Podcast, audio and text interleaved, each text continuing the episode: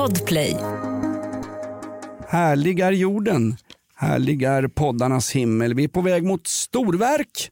Herkules Jonssons storverk, gammal fin adventskalender när man själv var barn faktiskt. Oj då. Oj, oj, oj.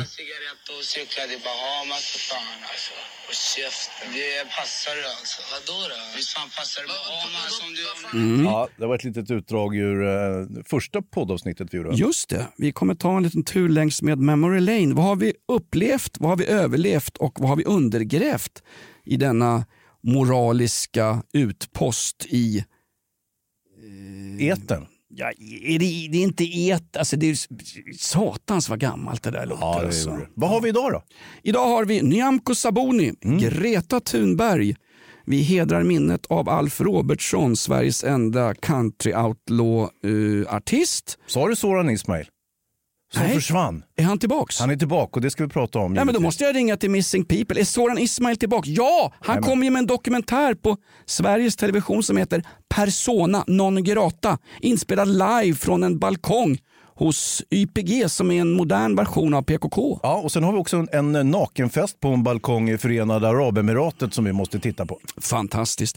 Då kör vi. Välkommen till podden Off Limits i studion. Jonas Nilsson. Oliver Bergman är vår producent. Han kommer, du kommer gå ut om en stund. Orkar inte, inte ens du orkar orkar med. Och sen har vi Hans Wiklund som också, också ska komma ut. Det är ju påsktider när vi spelar in det här. Och Ja. ditt påskfirande ute på vackra Ingarö. Jajamän. Det är ju fantastiskt. Oh, det är ja. ju vackrare än när de tände eld på, vad hette Evert Taubes eh, sommarstuga? Sjösala. det är, det är ett sjösala. kommer det. upp någon försöksutskriven kärring med tändstickor och tuttade eld på allting. Ja. Hon var ju förälskad i Evert Taube. Vem har inte varit förälskad i Evert Taube? Inte jag. Carmen Sita Nilsson heter jag. Carmen Då kör vi på en gång här och det är Hjärtligt välkomna alla. Hoppas vi kan få en trivsam jul i busken-afton tillsammans. Eh, ni ser så glada ut. Är ni glada? Jag ska ju snart ta ur. Ja, för här kommer det sanningar och eh, icke-sanningar i en könsneutral, könsneutral satans sörja. Dags att köra igång podden. Det här är Off Limits. Tack för att du står ut med oss. Vi måste rappa på idag Hans. Snart kommer eh, prins John och. Ryssen. Du, här, berätta om Petri förresten. Finnen som du bor granne med. Jag bor inte granne. Petri har ju flyttat. Har? Varning för dig som är ute på Tinder nu. Petri är nyskild och ute och ruskar runt där. Ser du någon som ser ut som ett krigsfoto från Sallafronten så är det Petri som är ute. Nej men det är väl lite sorgligt det här med Tinder och skit Hans. Va? När det, människor. när det finns Grindr. Min granne Petri är eh, han har uppmanat mig att inte prata om han i podden. Då gör vi inte det utan nu kör vi istället. Oliver Bergman, tryck på kanelerna. Försök hitta G-punkten för det här är off limits. Nu kör vi!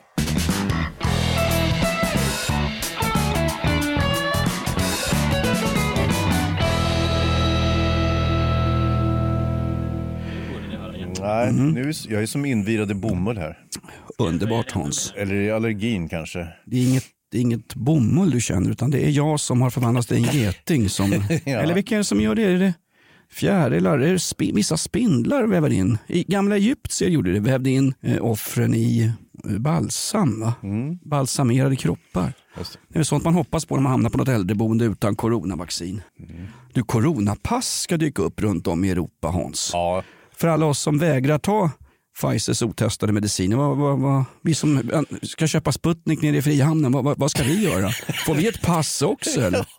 Hur mycket är ett pass värt om jag ändå kan vara smittbärande om jag har covid-vaccin? jag vet inte riktigt. Det, det där känns ju som en papperskonstruktion. Jag förstår inte hur det där ska kunna omsättas faktiskt och, och ratifi, eh, vad heter det? ratifieras, va? som man gör inom EU när man ska hitta på sånt där. Attention rateros, det betyder varning för ficktjuvar. Det är lite grann så det har blivit. Nu gav sig ju Greta Thunberg in i någon slags debatt om att barnen inte Barnen har inte tagits hänsyn till när man har tänkt på lockdown och allting. Många barn får ju illa. Det har hon rätt i. Det har hon rätt i, men å andra sidan snart ska väl Tilde de Paula uttala sig om vad vi ska göra och inte göra under den här epidemin. Och Han eh, matematikern, vad heter han, Tom Britton, han gav sig ju på översteprästen Tegnell. Vet du. Mm. Så att jag ska inte bli förvånad om han försvinner ut eh, och blir lika osynlig i någon sopsäck någonstans. Du får inte kritisera Tegnell. Nej. Man kan inte kritisera en general under ett pågående krig. Nej, va? det ska man inte göra. Men Britton är en vass jäkel. Ja. Han kan räkna. hör. Jag har träffat honom vid något tillfälle. Vi, vi Mm. är ytligt bekanta. Ni satt väl på Flying Horse och så räknade han ut notan och du fick betala, eller hur?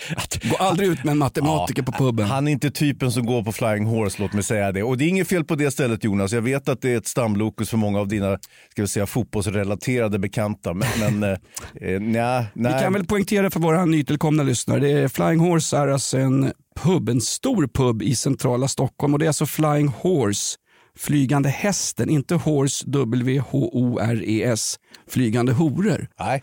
Tom Britton är faktiskt uppväxt i mitt område. Han har jag partat mycket. Han är en Vällingby-kille. Va? Som gjorde det unika och gick, kom in på universitetet. Ja, det, hans Nu snackar vi sunkak, då går Bergman ut här. Ja, nu smet han. smet han ut den fan. den där fi, han som är Ja, så ja. flott familj, familjen Bergman. Operabaren, kulturskämt, hang em high! Alla lantern som man sa under franska revolutionen. Han, är- han hänger vi först när vi tar över. Det gör vi och jag har redan eh, virkat ihop en snara här. Men vad gäller Brittons ursprung så är det ändå så att eh, deras pappa, han har ju en bror som heter Klas också som jag känner.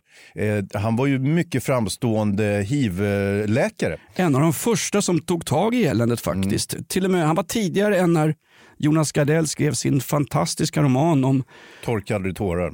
Torkade aldrig rumpan utan vantar. Nej, det blev ju en tv-serie sen. Ja, varit himla fin hörru. Mm. Du, eh, påsken är, är ju klar Men nu, vad skulle du säga om Tom Britton?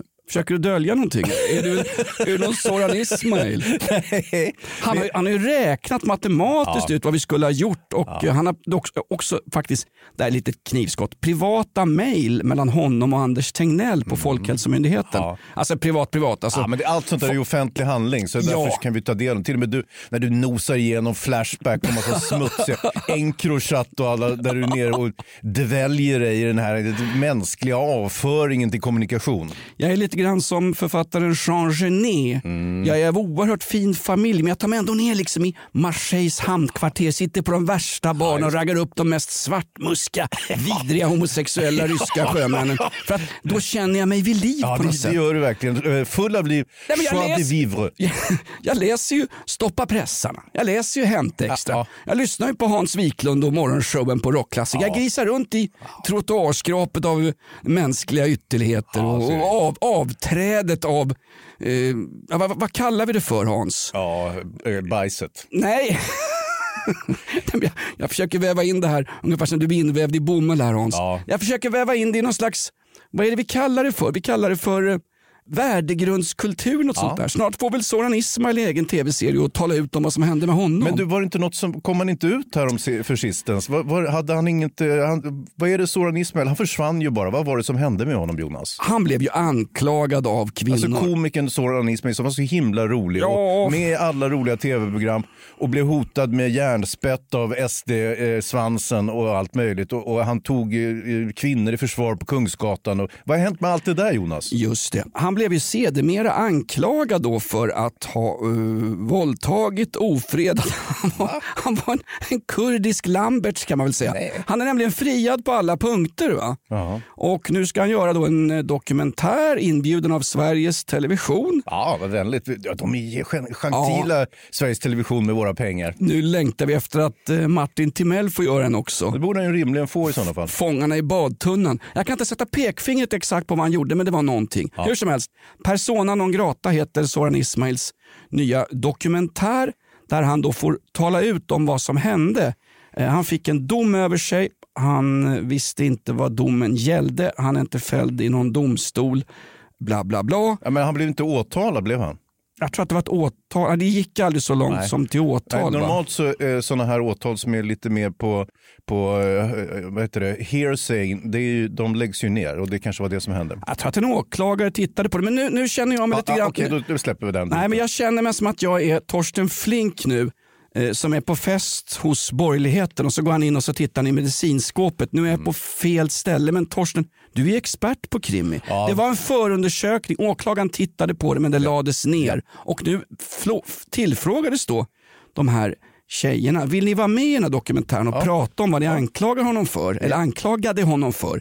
Nej, det vill vi inte. Vi har ju sett hur det går i sådana här fall. Mm. Det blir en förtalsanmälan mot oss. Vi vill inte vara med. Vi vill inte riskera att en ny Birka-kvinna alla Lamberts hängs ut. Hon som förresten kallades Lambertskvinnan i Expressen. Nej, men var- det är ju inte Det okej. är förbanne med det, det, det decimerade även för att vara Expressen. faktiskt. Fan, vad skulle jag vara då? Wiklund-älskaren eller något sånt där? Ja visst, men det ja, var nedsättande. Hur som helst, de här tjejerna är inte med i, i dokumentären om Soran Är Ismail. Soran själv med? Soran, Soran är själv med i sitt fantastiska skägg. Jag tror inte det är några scener från, någon, från några kurdiska balkonger hemma i...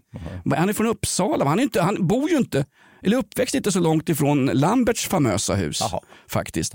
Nej, de är ju inte med. Och de, SVT, någon, någon person där sa ju Nej, vi har ju frågat de här tjejerna om de ville vara med, ingen ville medverka. Ja men snälla SVT, ni har ju med maskerade figurer med spökröster så fort det är någon gängkriminella som åtalas. Och om det är tjejer som hamnat i gängkriminalitet så har ni tjejer med fiktiva röster. Låt vittnesmålen komma fram i ett genmäle och så bara fejkar ni rösterna. Jag kan gå in och spela en, en som anser sig vara utsatt för Soran Ismail. Det märkliga med honom var väl att när, allt, när skiten träffade fläkten, för att tala eh, Bill Cosby-språk, Ja, det här var under metoo kan man väl säga. Ja, om jag skulle bli oskyldigt anklagad då skulle jag inte bara försvinna ut från stora scen. Jag skulle ju stå på scenen och ropa hallå, Ja. vad händer? Jag är helt oskyldig. Exakt, och det var precis vad Lamberts gjorde och det funkar inte jättebra Funkar inte det heller. Det var, det var väl lite av ett av de eh, värsta haverierna sen Paolo Roberto talade ut eh, hos, vad heter hon, eh, Li- Lill-Malou där. Lill-Malou, hon som har den fina ovanan att ibland få blodtrycksfall och slå sig med pannbenet i golvet. Hon- jättehemskt ju. Jenny. Strömstedt, Jenny Strömstedt, har ju ja, var ju- tuppat av flera gånger. Alltså jag kan tuppa av och TV4 för de har för långa reklamavbrott. De är Mm. värre än reklamradion. Men, men inte, hon har ju tuppat av flera gånger. Ja. Ja. Eh, och inte bara när eh, Steffo kommer med en kraftig andedräkt en måndag morgon. Nej, Hur som helst, Paolo åker ju på vägen hem från det här famösa besöket på bordellen på Grevegatan. På vägen hem så ringer kan man komma med TV4 och de ser ju, de ser ju ratingrekord Ja, ja, herregud. De ser ju Bonde söker fru och, och vad är det han har lett för någonting? Robinson och, och ja, vad heter det? Ja, skitsamma. Men, men eh, en av TV4s absolut största profiler. Eh, väldigt försiktigt eh, framavlad i TV4-maskineriet eh, som en superstjärna. Och nu tänker han väl, det här är ju perfekt. Du, du åker till mina vänner på TV4 och förklarar hur det ligger till. Just det. Och eh, så tänker jag väl förmodligen i bilen innan han ställde den på TV4s parkering. Hur skulle Fredrik Federley ha gjort det här läget? Han skulle vara med i TV. Ja, det verkar bra. Då gör jag det. Och så går han in och så talar han ut och gräver hålet ännu djupare när han säger är det första gången du besöker en prostituerad? Ja, det är det. Och då vet liksom den samlade eh, tv-massan, allmogen, populasen, vi som sitter med häng... Att det var andra gången. ja, exakt. Ungefär som att det var första gången Gudrun Schyman dök upp i en biosalong onykter när hon pissade i en popcornburk. Ja, det var det absolut. Det var exakt första gången. Hon, hon kissade ju på min gamle Nestor, Nils Petter Sundgrens ben där inne. Fast Det han betalar ju bra för det. Ja, nej, men han ville ju inte vidkännas det här sen. För jag, var ju, jag jobbar ju med Nils Petter då. Så Nils Petter, vad fan, Gudrun kissade på ditt ben? Nej, det gjorde hon tusan mig inte. Utan hon kissade precis bredvid på en popcornburk. Det här är gammalt hundpiss på min strumpa här så det är ingen fara. Och nu, och nu, Och gammalt skvätt. Det är den här jävla Wiklund. Han kallar mig alltid för Wiklund, eh, Nils Petter. det är härskarteknik. Ja, det är det. Det är det. Det är härskarteknik. Ja, men eh, som sagt, det är hellre Wiklund än Wiklund. Du vet vad Wiklund är slang för i Bagarmossen? Viklund är att man inte kan få upp penisen när man går till prostituerade på Grevgatan. Det är en gammal Neapelslang va? Eller? Ja, exakt. Och det är därför man ska avhålla sig från sånt. Är det slak? Ungefär Ja, som precis. Ja, det liksom. rock- Ja, men vi behöver inte fördjupa oss Nej i det. men fast rockbandet Limp Bizkit. Limp Bizkit är ett amerikanskt slanguttryck för exakt samma sak. Wiklund. Ja precis. Ja. Ja, ni Kul, har kul att göra ett avtryck i alla fall i samtiden. Tack ska ni ha. hellre avtryck än påtryck för att citera Greta Thunbergs PR-lobby. Hörru du, var var vi någonstans? Vi var ju med Soran Ismail, den här tv-serien. Ja. Den måste man ju faktiskt se, det kommer bli tittarrekord. Ja, vad jättekul. Nu väntar jag också på eh, som sagt var eh, Paolo Robertos dokumentär. Mm. Oskyldigt dömd eller vad det är. Eller, han, men han slantade av på vägen ut va? Ja, alltså det Kostar det ännu mer sa han till snuten som han mötte i trapphuset. 1500 för Deborah först och sen är, ska du ha två- Parkeringsböter där nere på 2000. gatan. 1200. Exakt. Eh, nej men någon som verkligen behöver tala ut efter att ha eh, gjort, jag, jag vet inte ens om det är ett fiasko. Nyamko Sabuni. Tjejen som en gång sa, jag vet vad jag vill här i världen. Jajamän. Problemet är väl bara att kanske att eh, hon inte vet vad andra vill. Hon håller på att splittra hela liberala Ja, det- Folkpartiet. Ska de inte, kan de inte ta, byta namn på partiet Liberalerna? Ta, ta, byt till Folkpartiet så kan liksom Ja, det gamla namnet. det här gamla gardet, eh, Bengt Veta Besterberg, han som satt och lyfte 160 000 när han var vd för Röda Korset och tyckte ändå att tanter och gubbar i 75-årsåldern skulle stå i regn och rusk med, och skramla med Ja, ja. ja, pengarna måste ju in för tusan. Ja, exakt. Det där betalas inte själv. Det är ingen självspelande piano Röda Korset. Vi Vilket när- han också av Donner fick uppleva när han snodde åt sig pengar bakvägen och sen åkte åt helvete. Kort resumé. Johan af Donner var ju förvaltningsansvarig för de pengar man fick in åt Röda Korset Sverige. Han torskar ju med fingrarna i syltburken och då pratar jag inte om syltburken Debora gjord av prima polsk blåbärssylt. Det var ju inte ens kvinnoaffär, han hade ju lyxkonsumtion karlfan. du. Jag såg ju det direkt. Jag hade något möte med honom. Vi skulle, jag skulle vara programledare för Du har ju någon för fan hängt hjälp- med alla och nu har du nått ditt bottenrekord. Du sitter här med mig. Ja. Har du mött Johan af Donner? Oh, jag hade suttit i möte med honom och det var, jag skulle medverka i något välgörenhetssammanhang på den tiden som jag var riktig kändis. Och då tänkte jag på, här kommer en kille med, jäklar den där frisyren är inte billig och röda byxor. Du vet sådana byxor man får om man har seglat runt Kap Horn eller vad fan det är, som de har ute i Saltsjöbaden, överklassbyxor. Ja, här vill jag gå in med en rättelse som gammal sjöfarare. Jag är ju Sinbad sjöfararen med samma... Du, kan ju, du har ju inte suttit i en roddbåt. Nej men alltså Ulf Brunnberg går ju runt i röda chinos Ja, ja. på Lidingö. Han är för fan inte, han är ju, den enda gången han varit på en båt är när han åkte Djurgårdsfärjan över för att eh, studera kvinnosynen eh, i tombolaståndet på Gröna Lund. Absolut, men det är en markör, det är en Ja, överklassmarkör. ja, absolut, absolut. Och, det, och det tänker jag, om du håller på med var han- välgörenhet kan du väl inte komma med röda byxor Visst och en dyr jävla frisyr och en lyxskjorta. Jag säger som Unni Droge, först döden och mina hundar. Jag har rött i byxorna en gång i månaden, för så jävla gammal är jag inte. Va, va, du, Johan af Donner, var inte det en väldigt trevlig person? Mycket trevlig, sympatisk Ja. och en ja, en toppkille helt enkelt. Men som sagt, han flög åt helvete. Det här är ett betalt samarbete med Villa Fönster. Du behöver lite mer tryck nu Jonas. Tryck! Villa Fönstersnack med Linnea Bali. Villa, villa, fönster, fönster, fönster med Bali, Bali, Bali. Jonas, nu tänker jag lära dig lite om Villa Fönster. Lär mig baby. Villa Fönster är en rikstäckande leverantör av fönster och dörrar till dig som konsument och byggföretag. Och vet du vad Jonas? Vadå? Jag har en spaning. Ja. Det som gör dem så unika är att de har Sveriges bästa leveranstid. Ja, det går undan har jag hört va? Ja, det gör det. För man tänker kanske som konsument så här, åh nej, det här kommer ta så lång tid. Men inom tre veckor alltså så har du ett svenskt nyproducerat fönster som är redo för omgående avhämtning eller leverans. Oj, oj, oj, inom tre veckor. Är det inte så också, jag har hört ryktena, de har Sveriges största fönsterlager va? Ja, med 500 olika varianter av fönster. Och eftersom de allra flesta av oss vill ha olika storlekar på fönster så kan Villa Fönster dessutom göra anpassningar såsom spröjs, spaltventil med mera. Oj, oj, oj Linnea, du övertygar här. Du vet inte vad en persedel är för någonting, men spröjs och spaltventiler. Här har jag nästan läst på universitetet om det här. Ja, och är det någon som har koll så är det Villa Fönster. Historisk referens här. Har du? Ja, alltid. Ända sedan 2008 så har Villa Fönster alltid haft visionen att erbjuda kvalitetsprodukter till rätt pris och kortast möjliga leveranstid. Ja, jag är nöjd Men vadå? med vårt Villa Fönstersnack. Villa Fönstersnack med Linnea Bali. Villa, villa, fönster, fönster, fönster med Bali, Bali, Bali. Tack Villa Fönster. Ny säsong av Robinson på TV4 Play. Hetta, storm, hunger. Det har hela tiden varit en kamp. Nu är det blod och tårar. Fan händer just nu. Det. är Detta är inte okej. Robinson 2024, nu fucking kör vi! Streama söndag på TV4 Play.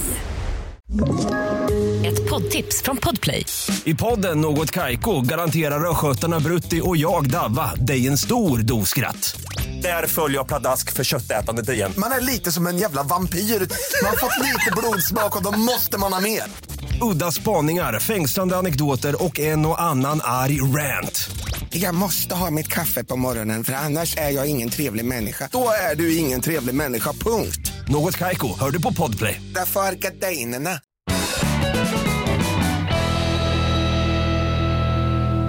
Du, jag tänkte, det, eh, här efter påsk och så vidare, jag eldar ju rätt bra där ute på landet. Det kanske jag har sett på sociala medier. Jag, jag ju liksom blåser ju på som, det är som masugnar där ute i trädgården. Jag tänker med dig som en modern Dan Andersson vid kolmilan. Det är ett hårt arbete som ska göras. Så på kvällarna när du sitter där och har eh, spelat fickpingis klart i dina hotpants. Då skriver du dikter, då skriver du manus och har ju med dig papper in i Off Limits-studion. Någonting som jag inte känner igen när jag uh, umgicks med uh, Järfälla-killen Jakob Ökvist. Du är ju extremt förberedd Ja, men det, det där är ju en slarv, det är ju en pajas. Vet du. Det här, jag är någonting helt annat. Jag ska inte säga, prata nedsättande. Ja- Jakob är en bra kille.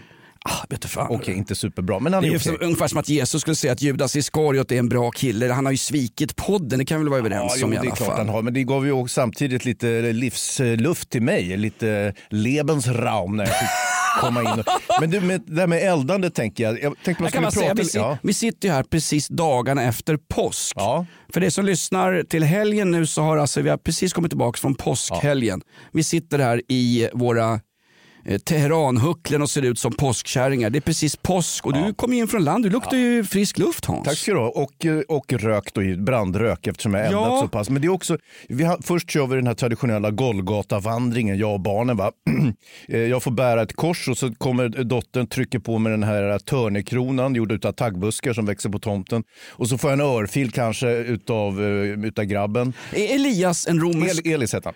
Förlåt mig. Elias är den romerska soldaten i... Han heter Elis. Han heter Elis, men Elias är Ja, den romerska... grundformen, ja. Ja. Elia...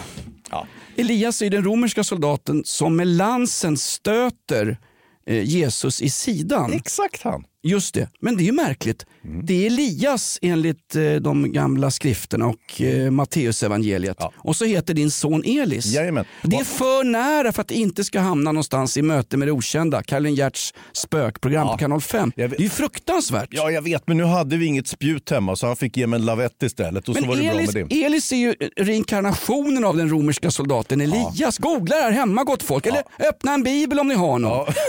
under corona, under vaccinpasset ligger det biblar. Titta där, det är ju inte klokt. Hans, det här är ju allvarligt. Ja, det är klart det är allvarligt. Han heter Elis och den romerska soldaten heter Elias och han sticker dig i sidan. Men nu gör du nästan på dig av förtjusning över din egen analysförmåga Jonas. Jag hade skit i på mig när jag kom på bussen Ja, hit. det gjorde du. Jag hade det, va? Hade munskydd i byxan. Ja. Du, vi ska prata lite grann om den här pyromanen som kom ut från rättspsyk och direkt tände eld på en kulturbyggnad i Östersund det första han gjorde.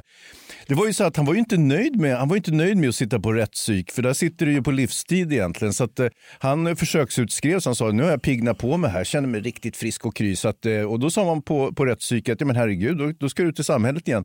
Smack så tänder han eld på ett, på ett kulturhus och begår en mordbrand. Och det gör han i akt och mening att faktiskt påvisa att han är en vanlig kriminell som borde få sitta i fängelse, inte sitta och ruttna på rättspsyk med de här kokoklockorna som sitter där och ruskar på huvudet. Var det här i Östersund? Ja. Jag läste om det här i tidningen Hans. Eh, Jag hade ju hoppats på att han skulle elda upp den gamla kulturmärkta Östersunds fotbollsarena för att få Ja. slut på fusksnacket där uppe. Då hade jag förbanne mig bistått själv med ett par bensindunkar. Vad var det för hus han brände upp? Ja, det var, alltså, jag kan inte gå närmare in på den att det var en kulturbyggnad och dessutom så var det ju massa näringsidkare som hade sin verksamhet där. Kulturbyggnad i det här jävla landet, det kan ju vara Ullared, det kan ju vara GKs, va? det kan ju vara Kentucky Fried Chicken i Bromma Blocks. Ja, det är möjligt att det var det I också. detta men- kulturskymningens förfall kallat Sverige. Ja, så är det Jonas, men jag vill inte, därför jag vill inte gå in på det. Utan jag tänkte för nu att ni som lyssnar nu skulle måla upp en bild av Stockholm, av Gripsholms slott mitt i Östersund som den här jäveln bränner upp det fort han kommer. Men samtidigt så är det så här, hur är det med pyromaner och sånt? Är det inte dags att inkludera dem precis som pedofiler i det svenska samhället? Att de liksom får gå under regnbågsflaggan också till slut ändå. Och, och att, vi, att vi dömer dem som vanliga, dömer dem för brotten och sen så får de vara pedofil och pyroman och, och ha alla möjliga konstiga avvikelser för sig. För de går ju ändå inte att bota uppenbarligen. Vad är det man ser en svårbotad diagnos? Va? Att, Mm. eh, det här med att vara fascinerad av eld. Men får jag fråga Hans, det här med när man tänder eld på saker och går igång på det. Jag tänker på gryningspyromanen som de inte ens kunde klämma åt. Ja, exakt, exakt. Ja. Exakt, nu kom det ju byxan på jord. Nej, men jag sitter och Nu tänker kom- på den där brasan jag drog igång ute på landet. Men är det för, en, min- för en pyroman, är det en sexuell stimuli att tända på? Eller är det Ja. bara en uppmärksamhetsgrej? För de flesta pyromaner dyker ju upp där på och ska hjälpa till med, med brandsläckningen och annat. Åh, hallå! Här kommer jag, jag har inte gjort någonting men jag håller gärna tag i brandmästarens slangar. Oj, oj, oj, förlåt mig, var det Bosse Hansson? Ja, då har jag kommit fel. Ja, men, nej, men det, är, ju- det, är, det är så. Det är, det är ju en sexuell åkomma och du får, du får ju någon form av njutning av det. Sen finns det ju folk som tänder eld på pin chi bara. Eller som jag själv som inte direkt Du menar svenska pizzeria och Kina-restaurangägare? Exakt Försäkringsfuskare. Ja, nej, men det finns ju alla arter så att säga. Men just, just pedofil, eh, förlåt, eh, pyroman, alltså de är ju besläktade de här. Det, är, det ska man inte stiga under stol. Är det så? Ja, att du får sexuell njutning på något som är väldigt förbjudet och, och icke tillåtet och dessutom Ja men det är ju eh, bara i våran kultursfär. Ge det här landet 50 år framåt Det så är det jag säger. Ja exakt. Så okej. är de inkluderade också. Det, det är sånt där som jagar upp en sån aktivist som Patrik Sjöberg som är så förbannad på det som han kallar för pedofilkramar. Att man tycker att de ska inkluderas i samhället och tas om hand och så vidare. Medan han är ju för schavotten där lite grann. Han, har- han har ju lite tufft tilltal där. han, han ropar ju mörkret så att man ska höra. Det här med han skrev eh, “kill your local pedo”. Ja. Det var väl lite grann så att inte... Han var ju så förbannad på det här efter alla övergrepp på sig själv. Jag Så han, det. han blev så jävla förbannad så han åkte på dubbel lunginflammation och höll på att dö. Ja. Sista jag såg av Patrik Sjöberg var att han låg på intensiven och då hade han kvicknat till lite grann. Liksom.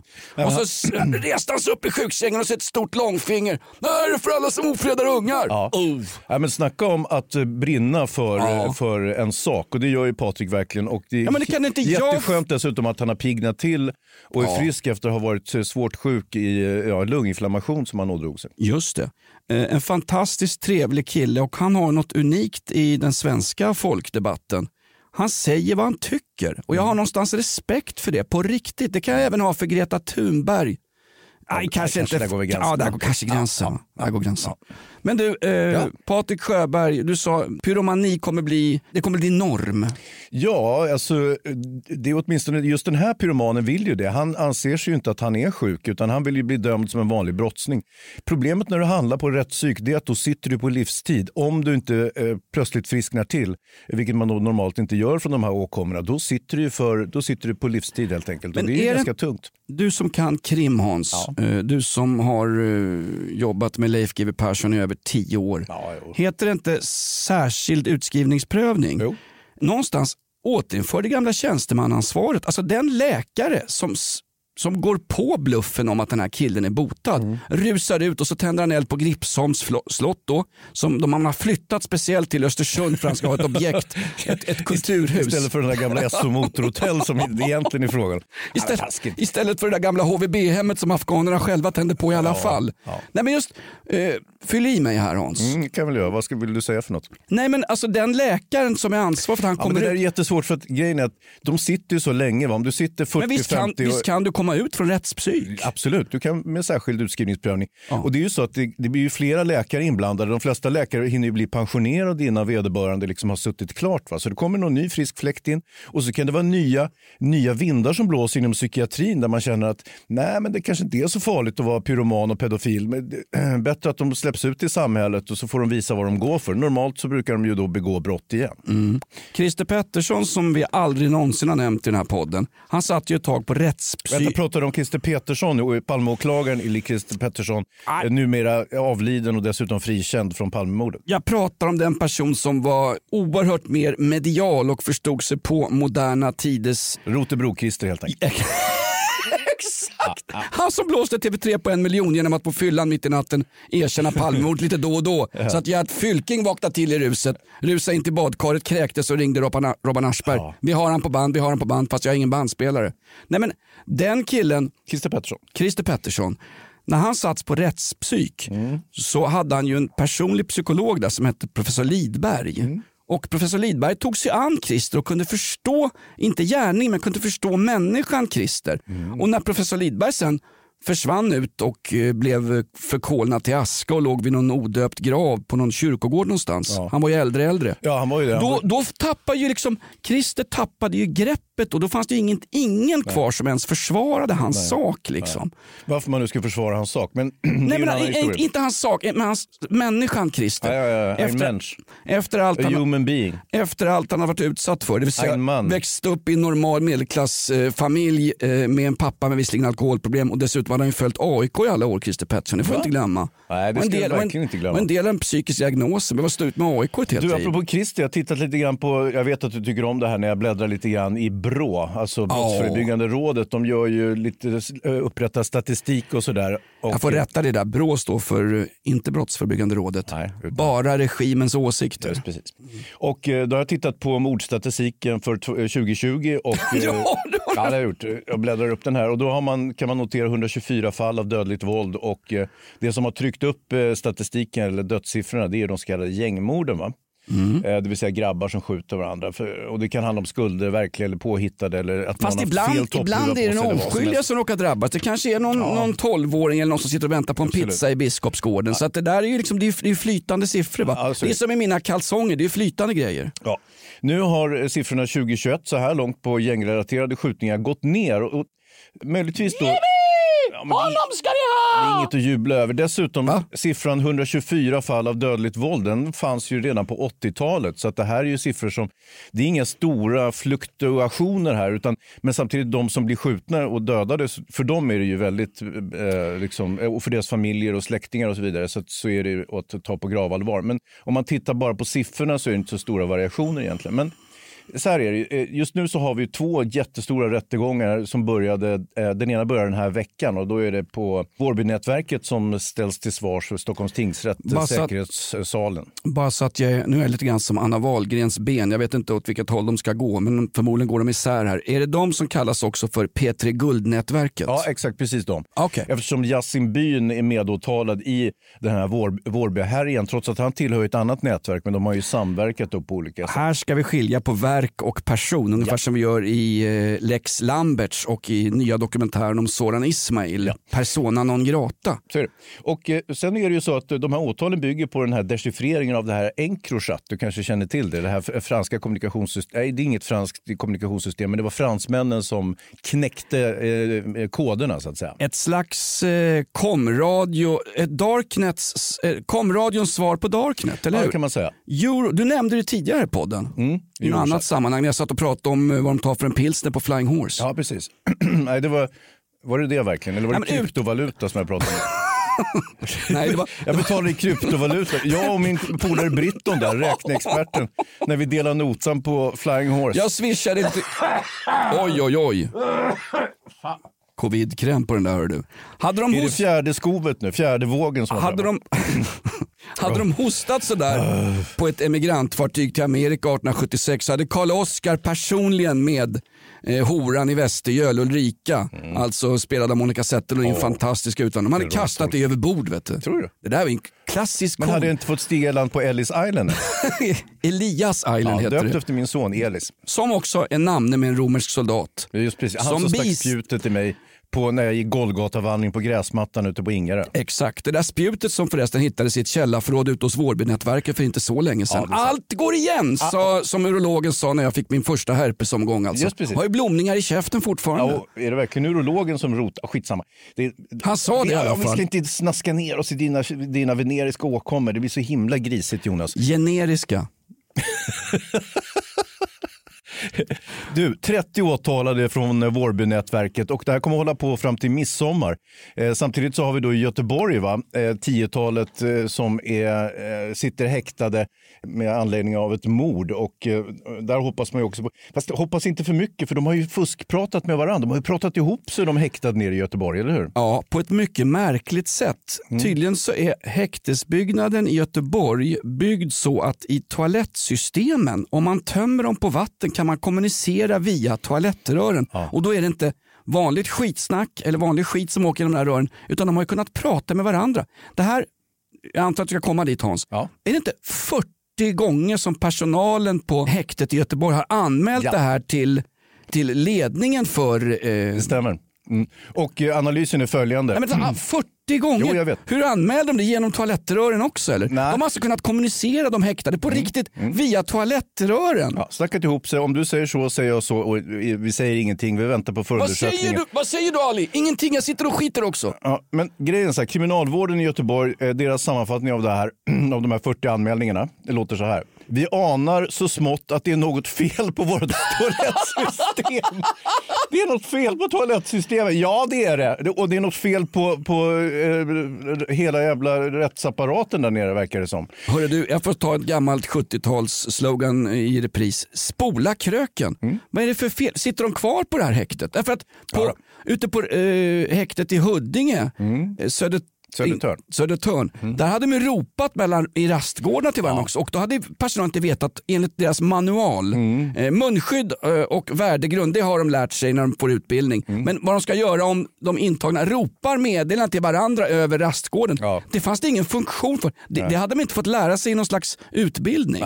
Men som sagt, det, det, konsekvensen har då blivit att nu är det väldigt många häktade och då ska det bli rättegångar och så vidare. Och troligtvis så har det här en viss påverkan då på skjutningarna så att skjutningarna har gått ner då 20, eller eh, 2021, alltså gangsterrelaterade skjutningar. Samtidigt Jonas, så nu verkar det som att vanliga svenska mord, jag kallar dem lite, lite så, det vill säga har ju gått upp istället. Bara under påskhelgen så läste jag var det sju stycken misstänkta mord. Nu är det ju så med misstänkta mord som publiceras i tidningar. 80 procent av dem faller bort eh, på grund av, det kan vara olycksfall, det kan vara plötslig sjukdom, det kan vara självmord, det kan ha en massa andra förklaringar eh, när man hittar döda personer på skogen eller hemma och så vidare. Så att, eh, av de här sju mordutredningarna så kanske det blir två som leder så småningom till någon form av åtal eller så. Du kan ju börja jobba för Brå Hans. Du har ju kollat bort varenda siffra för mig här. Eh, Du är ju värre än inrikesminister Damberg som direkt flög upp när han hade fått en vikande trend i både skjutningar och i antalet döda. Eh, Men fortfarande ledde vi väl och fick diplom från Norge. De hade ju noll mord första kvartalet. Ja, va? pre- precis. Pandemi, de, de, de skyllde eller tackade pandemin för det. Sverige låg ju ändå på ett, eh, på ett antal, även räknat per Fast det är capita. lite äpplen och päron här Jonas. För att eh, de gängrelaterade morden de, de, går ju i, de kommer ju i skov så att säga. Och just nu så ligger de nere på grund av att alla sitter och avvaktar vad som ska hända under rättsprocesserna mot de här stora nätverken. Då. Eh, Så nu, nu sitter man still i båten lite grann. Men då kommer de här som jag kallar för eh, vanliga hedliga svenska mord eh, istället. Och det- Fyllefestmorden. Ja, men jag, jag har faktiskt dem, delat upp dem i fem punkter. Här. Ett, det är alkis narkoman ger sig på sin för detta flickvän eller för detta fru eller innevarande fru eller innevarande flickvän.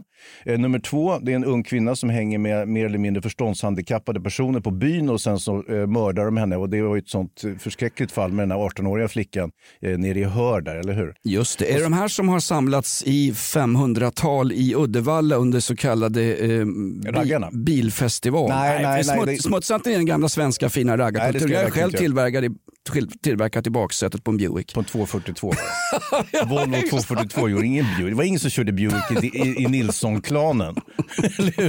Eh, nummer tre, fyll och mörda sin fyllekompis. Fyra, fyllkärring tröttnar på att bli misshandlad av sin pojkvän och mördar honom. Det här är ju ganska få då, men de finns ändå med i statistiken. Och sen så har vi då kvinnor som mördar för ekonomisk vinning, till exempel Johanna Möller och sådana där. De är ju ganska ovanliga, men de, de ingår ändå i den här, ska vi kalla det för vanliga Sven Banan-mordstatistiken. Som nu då, eh, som det ser ut åtminstone, vi har inga siffror på det här. Brå har inte hunnit räkna på det. Det kommer kanske om tre, fyra år. Men vi kan väl sitta och fabulera fritt ungefär som Soran Ismail. Ja, vi det- behöver inte ha koll på grejerna. Nej! Dessutom, jag är ju, nu har vi ju fått nog av de så kallade eh, amatörepidemiologerna. De är ju folk så förbannade på. Däremot amatörkriminologerna, de, det, det, är ingen som har gett sig på dem. Och där är ju, jag går ju i bräschen för dem så att säga. Det finns ju ett antal också personer som, som är utbildade som forskare och som är kriminologer. Den där pajsan på Veckans brott numera till exempel. Han som försöker se ut som Fredrik Strage. Har du sett honom? Han som har så jäkla mycket att göra så han har hunnit skriva åtta kriminalromaner. Får jag bara gissa att de är skrivna på betald arbetstid på någon, på någon eh, institution någonstans vid något universitet? Ja, se, och gamla skolan, Leif GW till exempel, de jobbar ju i Rikspolisstyrelsen och så vidare. Så de, har ju, de har ju en solid grund. De här, de här eh, universitetssnillena som sitter och bräker, det är ju, det är ju liksom, då är ju jag lika kunnig som dem mer eller mindre utan att ha bedrivit någon särskild forskning utan mer sitter och gissar lite grann. Ja, och den som talar just nu det är alltså eh, drängen på Federleys farm alltså. Eh, nej men så här är det också. Vård har ju blivit politik. Mm. Så det viktiga är inte att vi stoppar de kriminellas framfart. Det viktiga är att det verkar som om vi gör det så att säga. det är därför Damberg är blixtsnabb på att gå ut med hårdare tag, bla bla bla. Mm.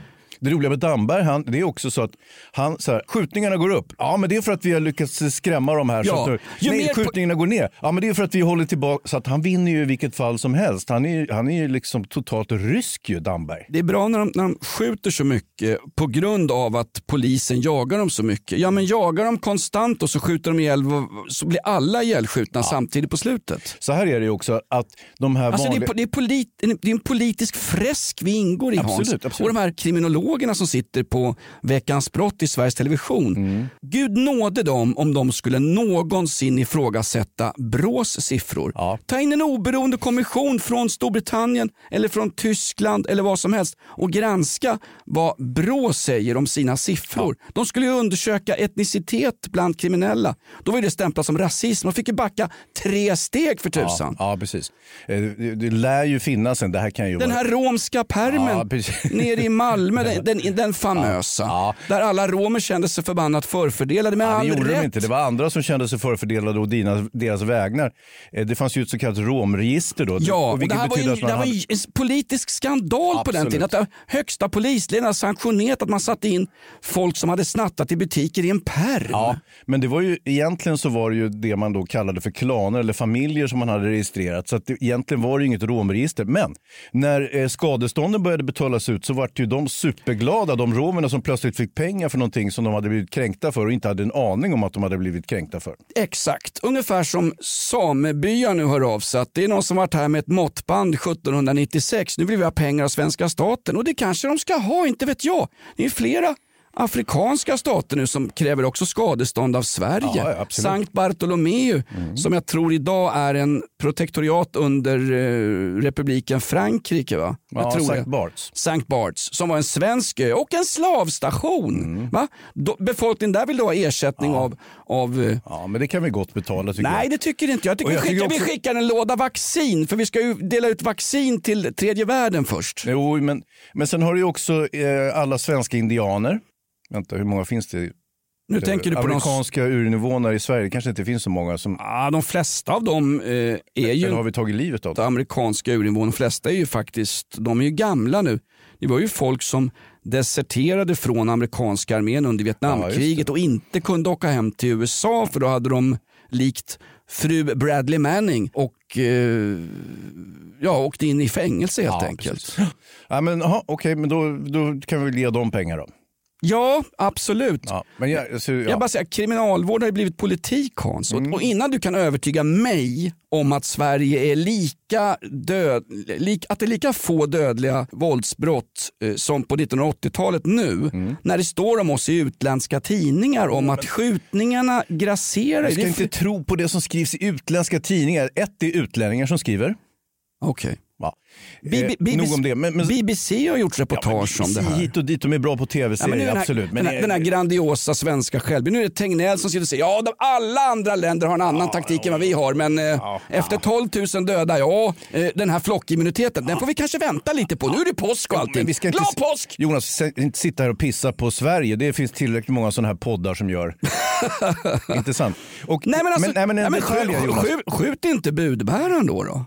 Det är ju det, det är exakt det Jag de glömde gör. min pistol. Så här, nu, nu ska, Var har jag lagt den nu då? Jaha, ska ni, göra, ska ni göra en, ge en negativ bild av Sverige? Mm. En vanlig hygglig journalistik.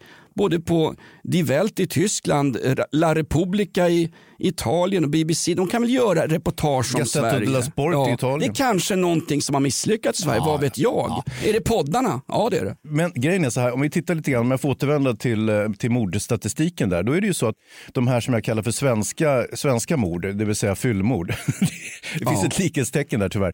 Eh, Det, de, Är inte de ganska lättlösta? Jo, det är Ja. ju det som är det Ja. intressanta. Att uppklaringsprocenten på svenska mord är betänkligt mycket större än de så kallade gängskjutningarna. Och vad kan det komma sig? Ja, de är mycket mer svårutredda för att folk håller käften och är hyfsat nyktra och bara kanske har rökt på lite grann. Men det kanske också, och det här är ju en diabolisk förklaring, att den svenska polisen och eh, Sverige inte bryr sig så mycket om att de skjuter ihjäl varandra, utan det är någon sorts självsanerande system. Att vi är mer intresserade av att lösa de svenska morden än de så kallade gäng, eh, gängrelaterade morden. Tänk Mm. om det är på det viset, Jonas. Ja, nu sitter jag och tittar på dig Hans. Jag, inte, jag, jag vet att jag låter som en sosse nu, men det, det bryr jag mig inte om. Nej, du låter inte som en sosse. Jag? Absolut. Ingen skugga faller över svensk arbetarrörelse. Däremot låter du som en klockren satans konspirationsteoretiker. Har vi hamnat där nu? Det var ju inte meningen. Hörru, det här får Tom Britton räkna ut. Han alltså. får räkna på det här skiten. riktigt. Och så sätter vi oss, han och jag, på Flying Horse och tar en stövel öl. Du, Ja, någon de som- har de stövel där. De har stövlar. Skitstövlar. Jag sitter i baren ibland. Mm. Eh, det här kommer bli en turistmagnet nu ju. Eh, Flying Horse, Odengatan, eh, vad kan det vara, Odengatan 42? tror Ja, jag. något sånt där. Välkomna gott folk. och vet ni inte exakt var det ligger, googla skiten. Googla skiten där hemma. Flying Horse. Ny säsong av Robinson på TV4 Play. Hetta, storm, hunger. Det har hela tiden varit en kamp. Nu är det blod och tårar. liksom. Fan händer just nu. Det. är Detta är inte okej. Robinson 2024, nu fucking kör vi! Streama söndag på TV4 Play. Poddtips från Podplay. I podden Något Kaiko garanterar östgötarna Brutti och jag, Davva, dig en stor dos skratt. Där följer jag pladask för köttätandet igen. Man är lite som en jävla vampyr. Man har fått lite blodsmak och då måste man ha mer. Udda spaningar, fängslande anekdoter och en och annan arg rant. Jag måste ha mitt kaffe på morgonen för annars är jag ingen trevlig människa. Då är du ingen trevlig människa, punkt. Något Kaiko, hör du på Podplay. Därför är gardinerna.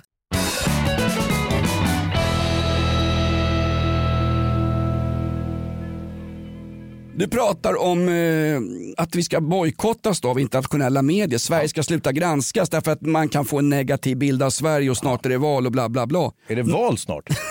Vad fan är det nu? Vilken jävla stress. Först, okej, först gängskjutningarna, coronan och nu ska det vara val mitt uppe. Jag Nej. orkar inte längre Jonas. Det är inget Jag orkar inte längre! Det är inget Jag val. orkar inte!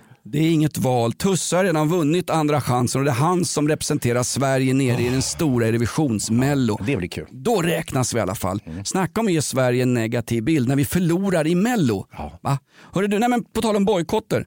Norska fotbollslandslaget, som, eh, de kom ju på, satan vi är en sån, vi är en sån svår grupp nu för VM i Qatar. Turkiet och Holland i samma grupp. Kan vi inte göra en politisk manifest av detta så att vi, så vi får ett slags katarsis, ett slags reningsbad Jävla efter sälklubbar, börjar de gnälla nu om, om Ja, Qatar? Det här är värre än den där sommaren vi tältade på Utöja Hans. Eh, De skulle gå ner norrmännen och så bojkotta Qatar fotbolls-VM därför att det har dött 6 500 stackars arbetare, mest från Pakistan och Indien. Gästarbetare har ju dött under de här fruktansvärda byggen av de här arenorna. Det är ju värre.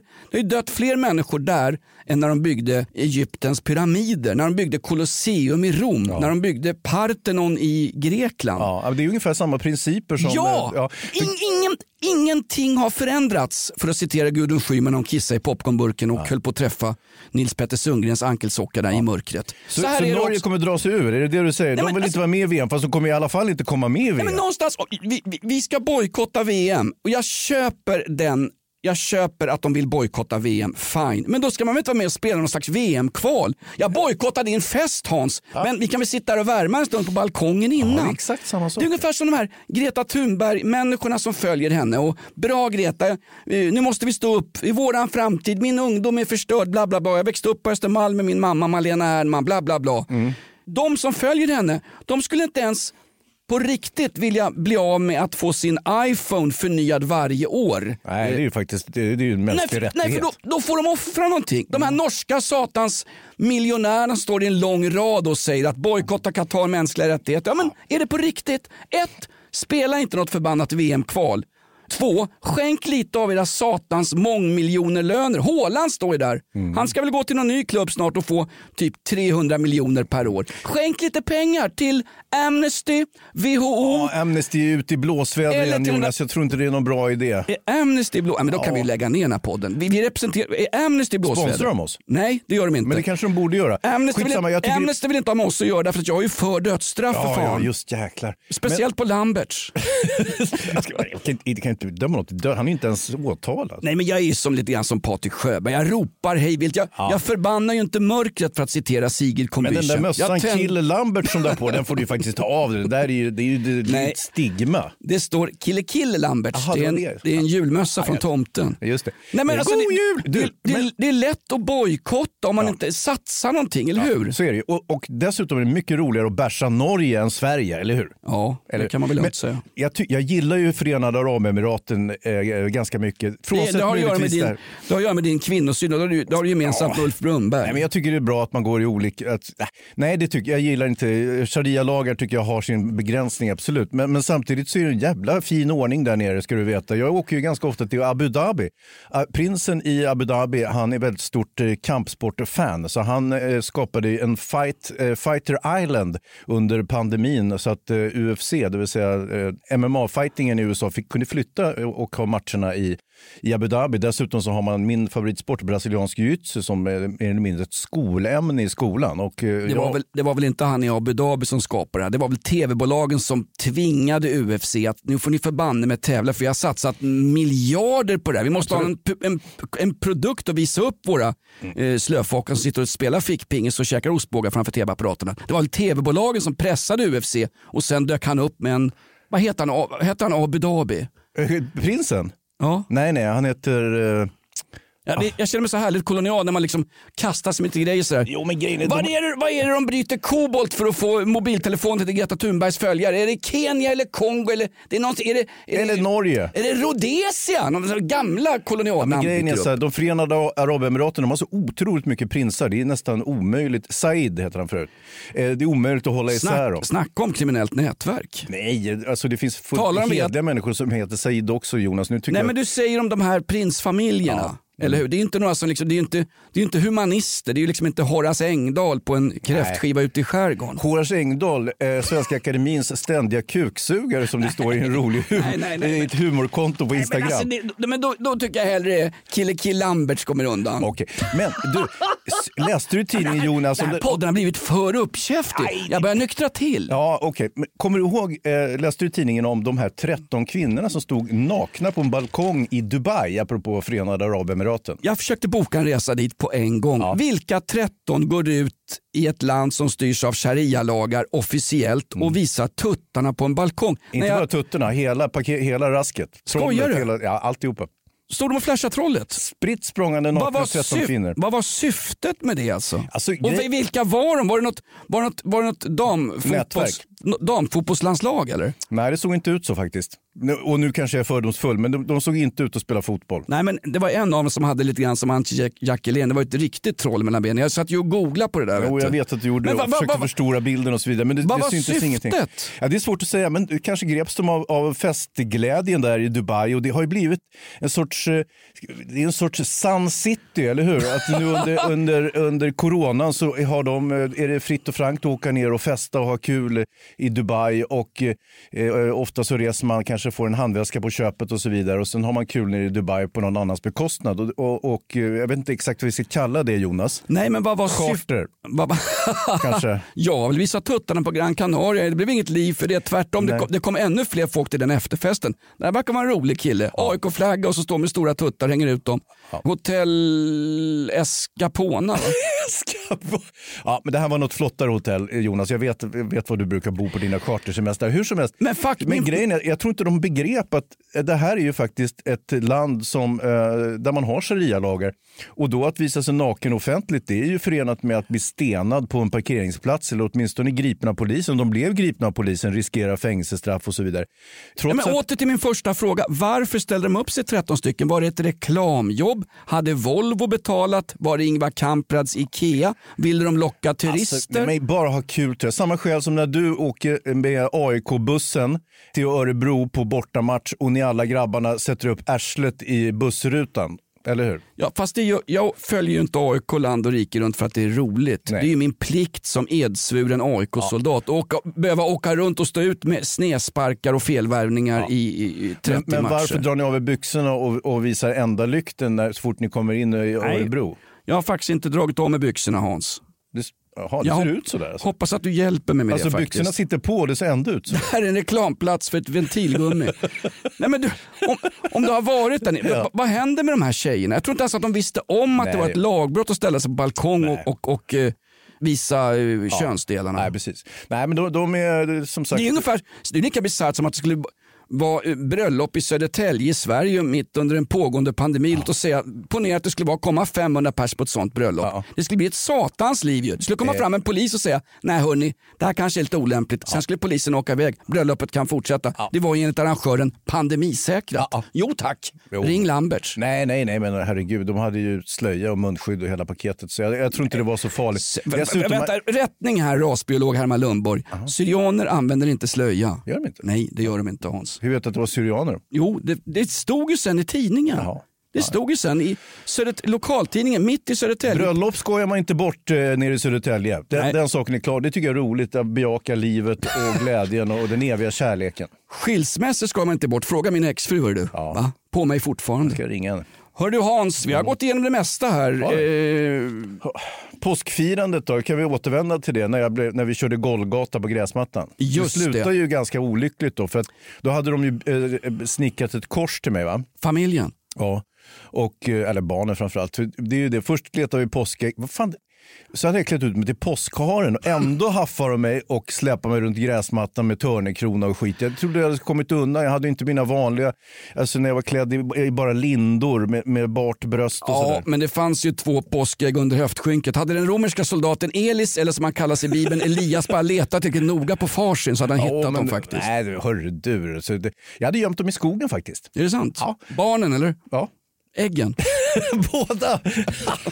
Jag vet att många av era grannar har hört av sig Hans. Det var ju något, var det inte folk som försvann på Värmdö i helgen också? Jo, men och då var- tänkte jag, Wiklund firar påsk, han är korsfäst, sen, sen återuppstår han och så ska han, ska han hämnas då på, på centralmakten. Ja, man, hade hittat, man hittade en uh, kvarlevorna av en person ute på, på Värmdö, ganska nära där jag bor faktiskt. Men, men, och det räknade jag till den här lilla brottsstatistiken jag sa att i påskhelgen så var det åtminstone sju misstänkta mord.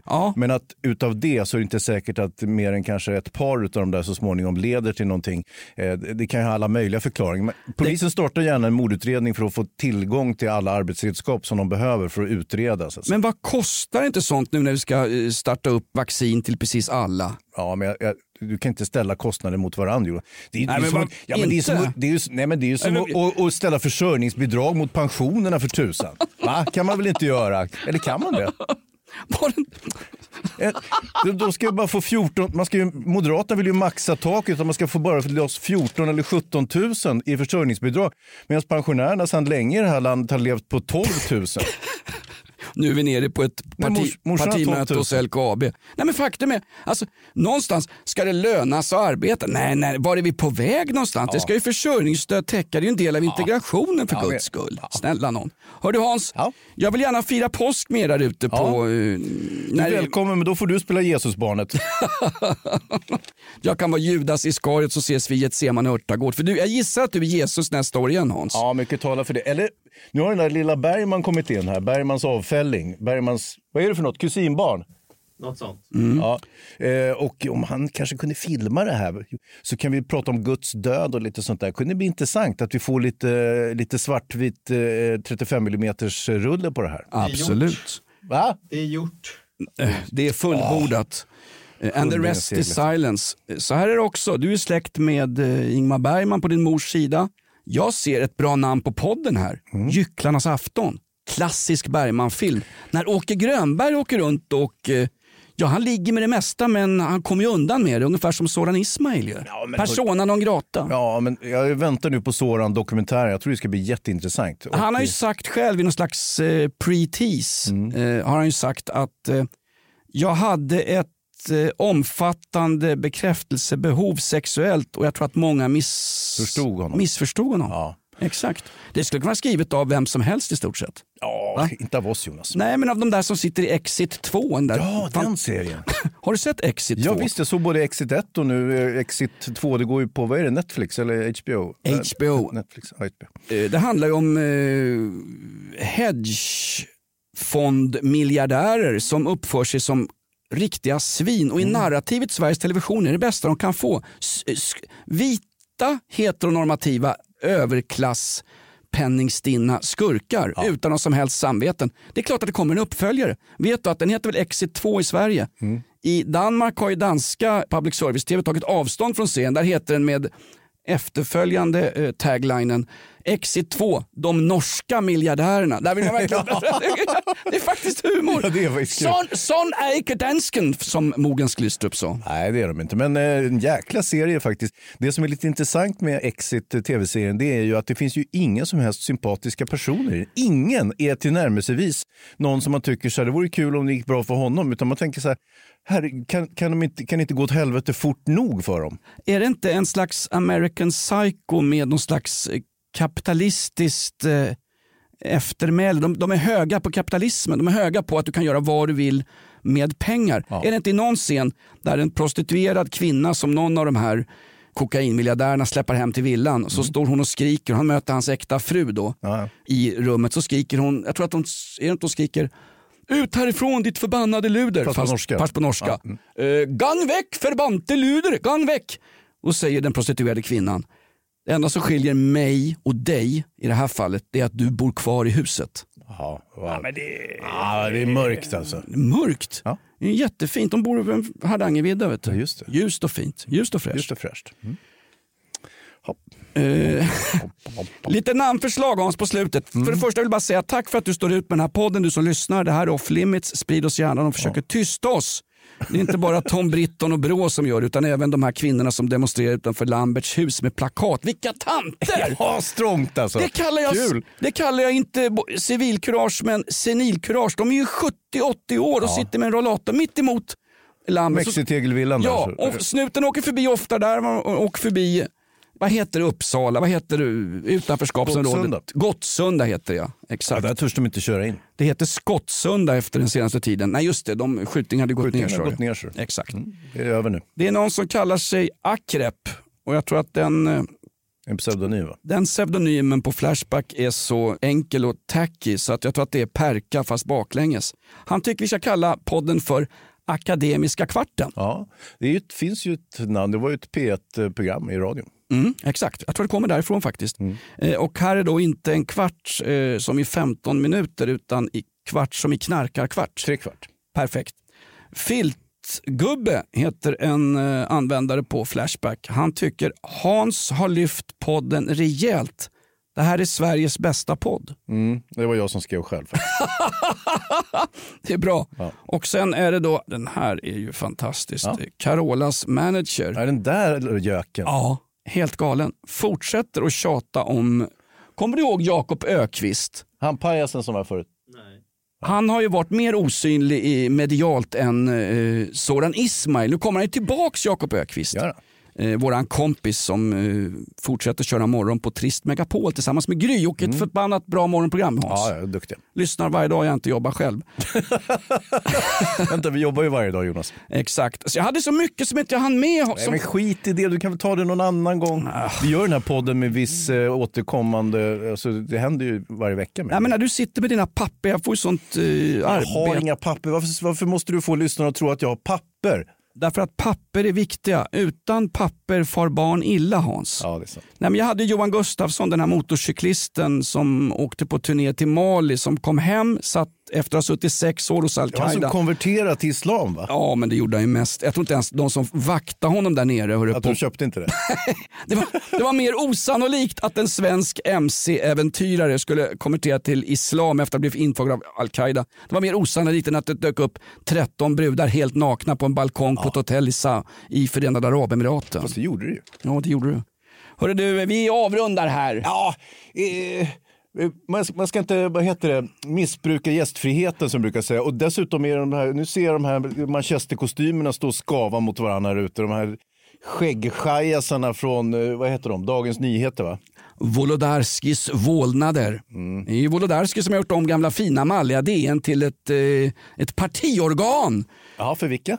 Ja, det är väl Liberalerna. Är det? Ja, det här partiet som Nyamko Sabuni har De håller lyckats... på att falla sönder, de är ju nere på lättölsnivå, 1,2 procent. Från Folkpartiet Liberalerna till imploderande Folkpartiet Liberalerna. Mm. Ja, jag säger som han, vad heter han, Rasmus på luffen där. Jag vill vara fri som en fågel, fri som en fågel. Och då är det som någonting ropar, kom åt gamle luffare Blom. Rasmus på luffan hette väl den filmen va? Mm. Västerhaga barnhem fanns ju på riktigt där den spelades in. Just det. Västeraga barnhem, det kan Ja. vi ta upp i någon podd någon Där hade gång. vi suttit om vi hade varit eh, lite tidigare i historien. De har väl inte rättspsyk där va? Det är ju Östersund. Podden är slut, tack för att du lyssnar. Stå ut med oss. Ny säsong av Robinson på TV4 Play. Hetta, storm, hunger. Det har hela tiden varit en kamp. Nu är det blod och tårar. Fan händer just det. Det är detta inte okej. Robinson 2024, nu fucking kör vi! Streama söndag på TV4 Play.